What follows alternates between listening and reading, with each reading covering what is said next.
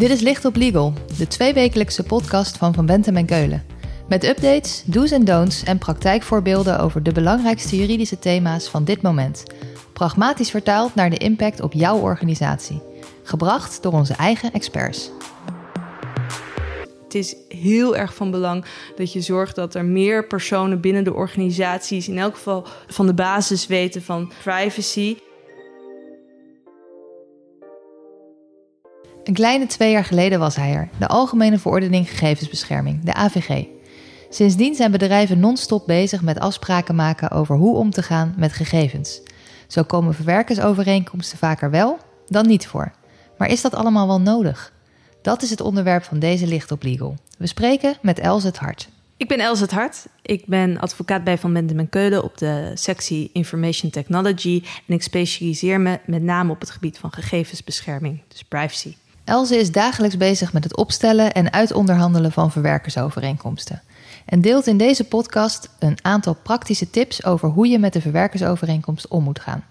Maar eerst duiken we de theorie in. Want hoe zat het ook alweer met de verwerkersovereenkomst? Een verwerkersovereenkomst is een overeenkomst die wordt gesloten tussen een verantwoordelijke en een verwerker.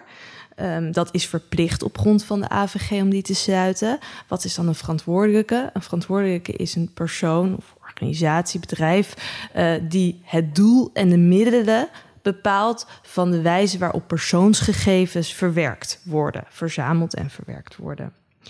Hoe zit dat dan als die partij iemand inschakelt die ten behoeve van die persoon gegevens gaat verwerken?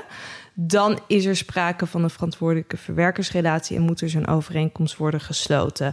Een verwerker is een persoon die ten behoeve van de verwerkingsverantwoordelijke gegevens verwerkt. Uh, hoe moet je dat nou zien? Want dat is best wel uh, conceptueel, abstract. Uh, de verwerkingsverantwoordelijke moet je bijvoorbeeld zien als een werkgever. Werkgever heeft gegevens van de werknemer nodig. Bijvoorbeeld contactgegevens om iemand te contacteren. Een bankrekeningnummer om iemand salaris uit te betalen. Maar ook een kopie-ID-bewijs, omdat dat moet op grond van de wet. Uh, nou, dat zijn allerlei doelen en redenen om gegevens te verzamelen. En de werkgever bepaalt welke gegevens die verzamelt en voor welke doelen. De werkgever is daarmee verwerkingsverantwoordelijke. Oké, okay, en wat is dan een verwerker? Hoe ziet dat eruit?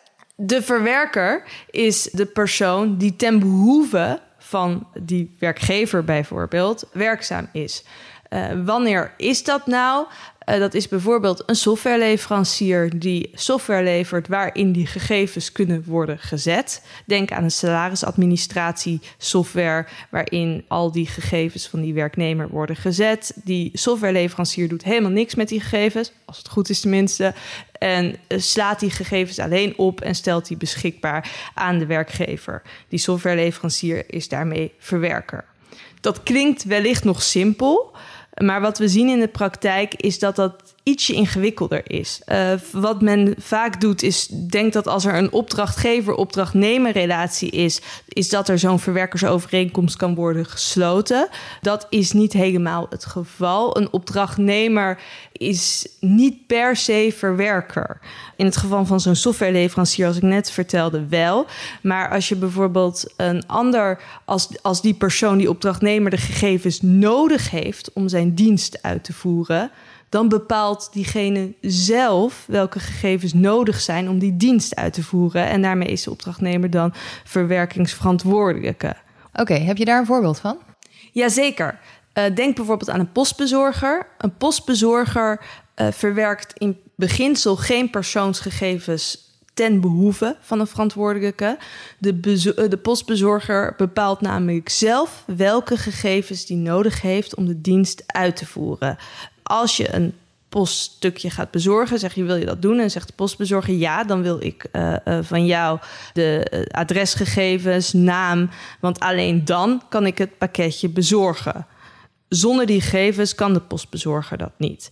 En daarmee maakt het dat de postbezorger een verwerkingsverantwoordelijke is wat je vaak ziet in dit soort relaties is dat zodra de dienst niet meer kan uit worden gevoerd zonder het hebben van die gegevens, dan is diegene verwerkingsverantwoordelijke. Denk bijvoorbeeld aan die softwareleverancier opnieuw. Dat pakketje, dat softwarepakketje, kan prima worden geleverd zonder dat daar die daadwerkelijk gegevens in worden gezet door de verantwoordelijke. Uh, terwijl de postbezorger kan het pakketje niet leveren zonder die gegevens. En dat maakt dan weer dat de postbezorger verantwoordelijk is en de softwareleverancier niet. Uh, de postbezorger uh, bepaalt ook zelf hoe lang de gegevens worden bewaard, hoe die omgaat met de gegevens, op welke wijze die worden gebruikt. dat kan je niet als verwerkingsverantwoordelijke bepalen. Je had het net over softwareleveranciers. Hoe zit dat dan als je gebruik maakt van clouddiensten? Van bijvoorbeeld Microsoft of Google. Zijn dat dan gewoon softwareleveranciers? Dat is zeker wel een software. Dat, tenminste, dat kan zo zijn afhankelijk van welke dienst je uh, gebruik van maakt. Um, desalniettemin zie je vaak dat Google, uh, maar ook andere bedrijven, die gegevens vervolgens ook voor een eigen doeleinden gebruiken. En het lijkt misschien zo dat zij alleen een softwarepakketje uh, uh, bieden. Maar intussen doen zij daar ook allerlei zaken met de gegevens die daarin worden verwerkt. Nou, op dat moment zijn zij ook verantwoordelijke. Dus dat is ook goed om na te gaan hoe gaat diegene om met mijn gegevens? En wil ik eigenlijk wel dat diegene de gegevens die ik deel voor zijn eigen doeleinden gaat gebruiken? Zeker als het gaat om strikt vertrouwelijke gegevens. Wil je dat waarschijnlijk ook helemaal niet? Is het ook maar de vraag of dat op de grond van de AVG is toegestaan om die gegevens te delen? Oké, even terug. Want je noemt nu de AVG. Is dit dan nieuw onder de AVG? Nee, dit is uh, uh, niet nieuw. Uh, de verwerkersovereenkomst bestond al voor de AVG daar, toen was het punt alleen dat uh, alleen de verwerkingsverantwoordelijke was verplicht om de uh, verwerkersovereenkomst te sluiten. Wat zag je dan? Dat al die softwareleveranciers, al die verwerkers zeiden: Ja, daar heb ik geen zin in, dat ga ik niet doen. Dus gingen dan een light variant waar je eigenlijk niet zoveel aan had, uh, sluiten met die verwerkingsverantwoordelijke. En daar zag je altijd heel veel frustratie over ontstaan. Onder de AVG zijn beide partijen verplicht om een verwerkersovereenkomst te sluiten. Uh, daarnaast heeft AVG geeft ook handen en voeten aan wat er nou precies in die verwerkersovereenkomst moet staan. En er is een hele lijst met onderwerpen van datalekken tot en met hoe je met rechten van betrokkenen moet omgaan, tot en met uh, wanneer uh, of je toestemming moet geven om onderaannemers in te schakelen. allemaal dat soort onderwerpen worden nu genoemd, waardoor ja, het eigenlijk voor verwerkers onmogelijk is om onder die verplichting uit te komen. Maar klopt het dan dat het twee kanten op werkt? Ben je als verwerker dan ook verplicht om met de verantwoordelijke zo'n contract op te stellen? Als verwerker kan je ook je eigen verwerkersovereenkomst opstellen. Uh, dat is absoluut mogelijk. De verplichting rust nu op allebei de partijen om te sluiten. En wie dan nou de eerste versie stuurt. En, en meestal ga je erna even over discussie, want de een uh, wil de verplichtingen net iets anders hebben. En een verwerker zal snel zijn aansprakelijkheid uitsluiten, waar een verantwoordelijke juist die aansprakelijkheid toe wil uh, delen aan de verwerker. Dus vaak komen er wel wat onderhandelingen over zo'n verwerkersovereenkomst. Maar in principe kan kunnen beide partijen de eerste versie delen.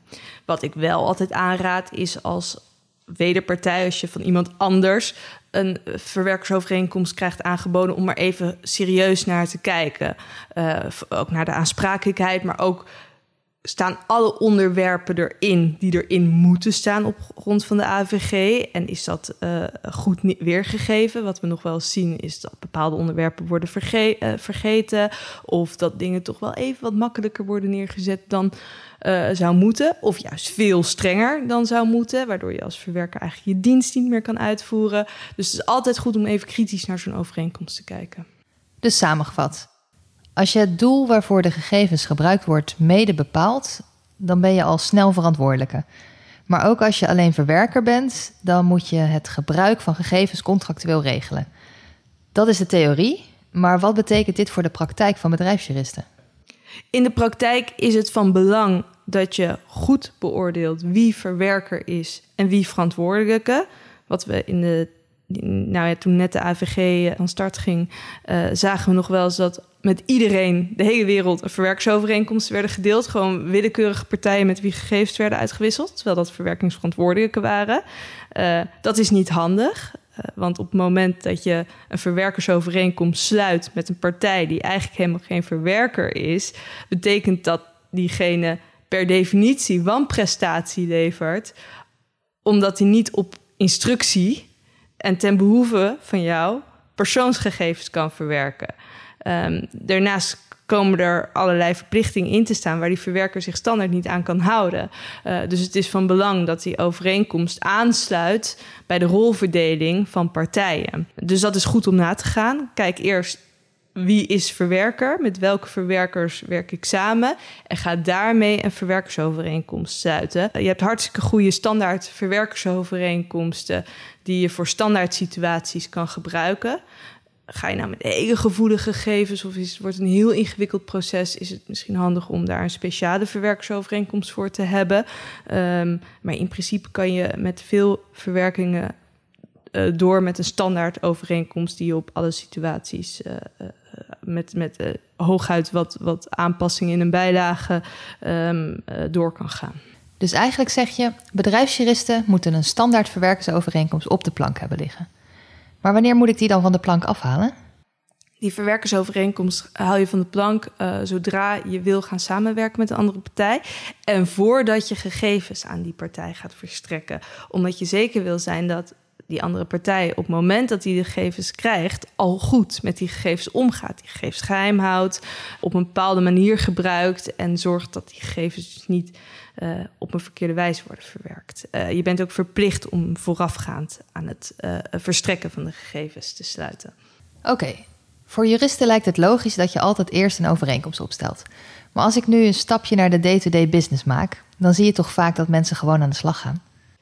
Ik denk dat dat zeker voorkomt. En dat is uh, ook het hele probleem van data governance, zoals we dat dan noemen binnen bedrijven. Is dat vaak niet dat vaak privacy maar e-, bij één persoon belegd is, terwijl de organisatie een stuk groter is. En die ene persoon kan niet zien wat iedereen binnen die organisatie aan het doen is. En voordat je bij die ene persoon iets voor iemand in de organisatie doet, zijn we zes weken verder. En, en um, uh, ja, moest je toch al gaan samenwerken. Dus het is heel erg van belang dat je zorgt dat er meer personen binnen de organisaties, in elk geval van de basis weten van privacy. En die ook zelf een verwerkersovereenkomst kunnen sluiten. Dus dat die ook in bezit zijn van een verwerkersovereenkomst en die heel makkelijk kunnen uitwisselen, even zelf kunnen sluiten. Uh, en alleen in de ingewikkelde gevallen wellicht de bedrijfsjurist uh, inschakelen. Dat klinkt logisch. Je moet het beleggen bij mensen. Maar kan het niet veel makkelijker? Kan je het niet gewoon in de algemene voorwaarden zetten of zo? Dat hangt er een beetje vanaf. Um, als je verwerkingsverantwoordelijke bent en je wil voor al je gegevensverwerking in je inkoopvoorwaarden ga je iets opnemen. Is het probleem is dat de verwerkersovereenkomst moet specifiek zijn. En als je dat dus in je algemene voorwaarden doet, is het vaak niet specifiek genoeg. Daarin staat namelijk niet welke gegevens er precies worden verwerkt, wie de betrokkenen zijn, hoe men omgaat met die gegevens, welke beveiligingsmaatregelen er worden genomen, waardoor uh, de algemene voorwaarden snel niet voldoen aan wat de AVG vereist van een verwerkersovereenkomst. Daar zitten nadelen aan. Ik denk dat het bij een verwerker die altijd dezelfde dienst levert, waar altijd dezelfde persoonsgegevens in worden verwerkt, bijvoorbeeld salarisadministratie, dat het misschien nog wel mogelijk is om dat in de algemene voorwaarden op te nemen. Maar dan moet het wel echt altijd precies hetzelfde doen. En dan nog steeds is het even de vraag of een autoriteit daarmee uh, dat voldoende vindt. Oké, dus stel dat zowel de juridische afdeling als de mensen in de business dit allemaal tip-top regelen. Wat win ik daar dan mee als bedrijf? De, het grote voordeel is, is dat je zeker weet uh, dat je iemand aansprakelijk kan houden op het moment dat iemand niet goed met die gegevens omgaat. Wat je wil is uh, met persoonsgegevens, denk maar aan al je klantenbestanden of aan andere gevoelige gegevens, die wil je geheim houden. Op het moment dat je die op straat komt, kan dat ook jouw bedrijfsgeheimen, kan dat uh, ook voor de concurrentie, kan dat veel betekenis hebben. Dus door het sluiten van zo'n verwerkersovereenkomst hou je dat ook geheim. Plus je beschermt je reputatie, want als het uitkomt dat er heel slecht door zo'n verwerker om wordt gegaan met jouw gegevens, dan schaadt dat ook jouw reputatie. En dat wil je voorkomen. Dus het heeft ook zeker voordelen om die verwerkersovereenkomst te sluiten. Daarnaast kun je je aansprakelijkheid ook verder regelen. Als verwerker wil je die natuurlijk zoveel mogelijk uitsluiten. Uh, in zo'n verwerkersovereenkomst kan je dat uh, verder uitsluiten. Andersom kan je als verwerkingsverantwoordelijke juist een vrijwaring opnemen dat, dat als er iets gebeurt, dat je gevrijwaard bent door de verwerker. Kort gezegd, als je het goed regelt, dan is je winst dat je je bedrijfsgegevens beschermt en je reputatie beschermt mocht er iets misgaan. en je afspraken kan maken over wie aansprakelijk is voor wat. Helder. Om af te sluiten. Zou je nog één praktische do en één praktische don't kunnen geven? Een praktische doel is sluit de verwerkersovereenkomst met verwerkers. En dan met nadruk op verwerkers, ga hem niet sluiten met verwerkingsverantwoordelijke. Een don't is als een andere partij jou een overeenkomst aanbiedt, accepteer die dan niet zomaar. Uh, het kan namelijk zo zijn dat die overeenkomst niet voldoet aan de AVG. Het kan zijn dat er toch dat die strikter is dan de AVG moet, of juist dat er te weinig in staat. En waar je ook goed wil naar kijken, is naar de aansprakelijkheid, hoe die is geregeld. Blijf dus kritisch en uh, accepteer niet zomaar een verwerkersovereenkomst.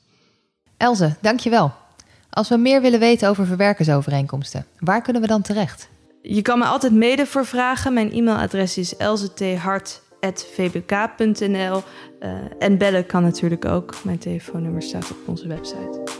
Dit was Licht op Legal, een podcast van Van Bentem en Keulen. Te beluisteren via Spotify, Apple Podcasts of je eigen favoriete podcast-app. Wil je meer weten?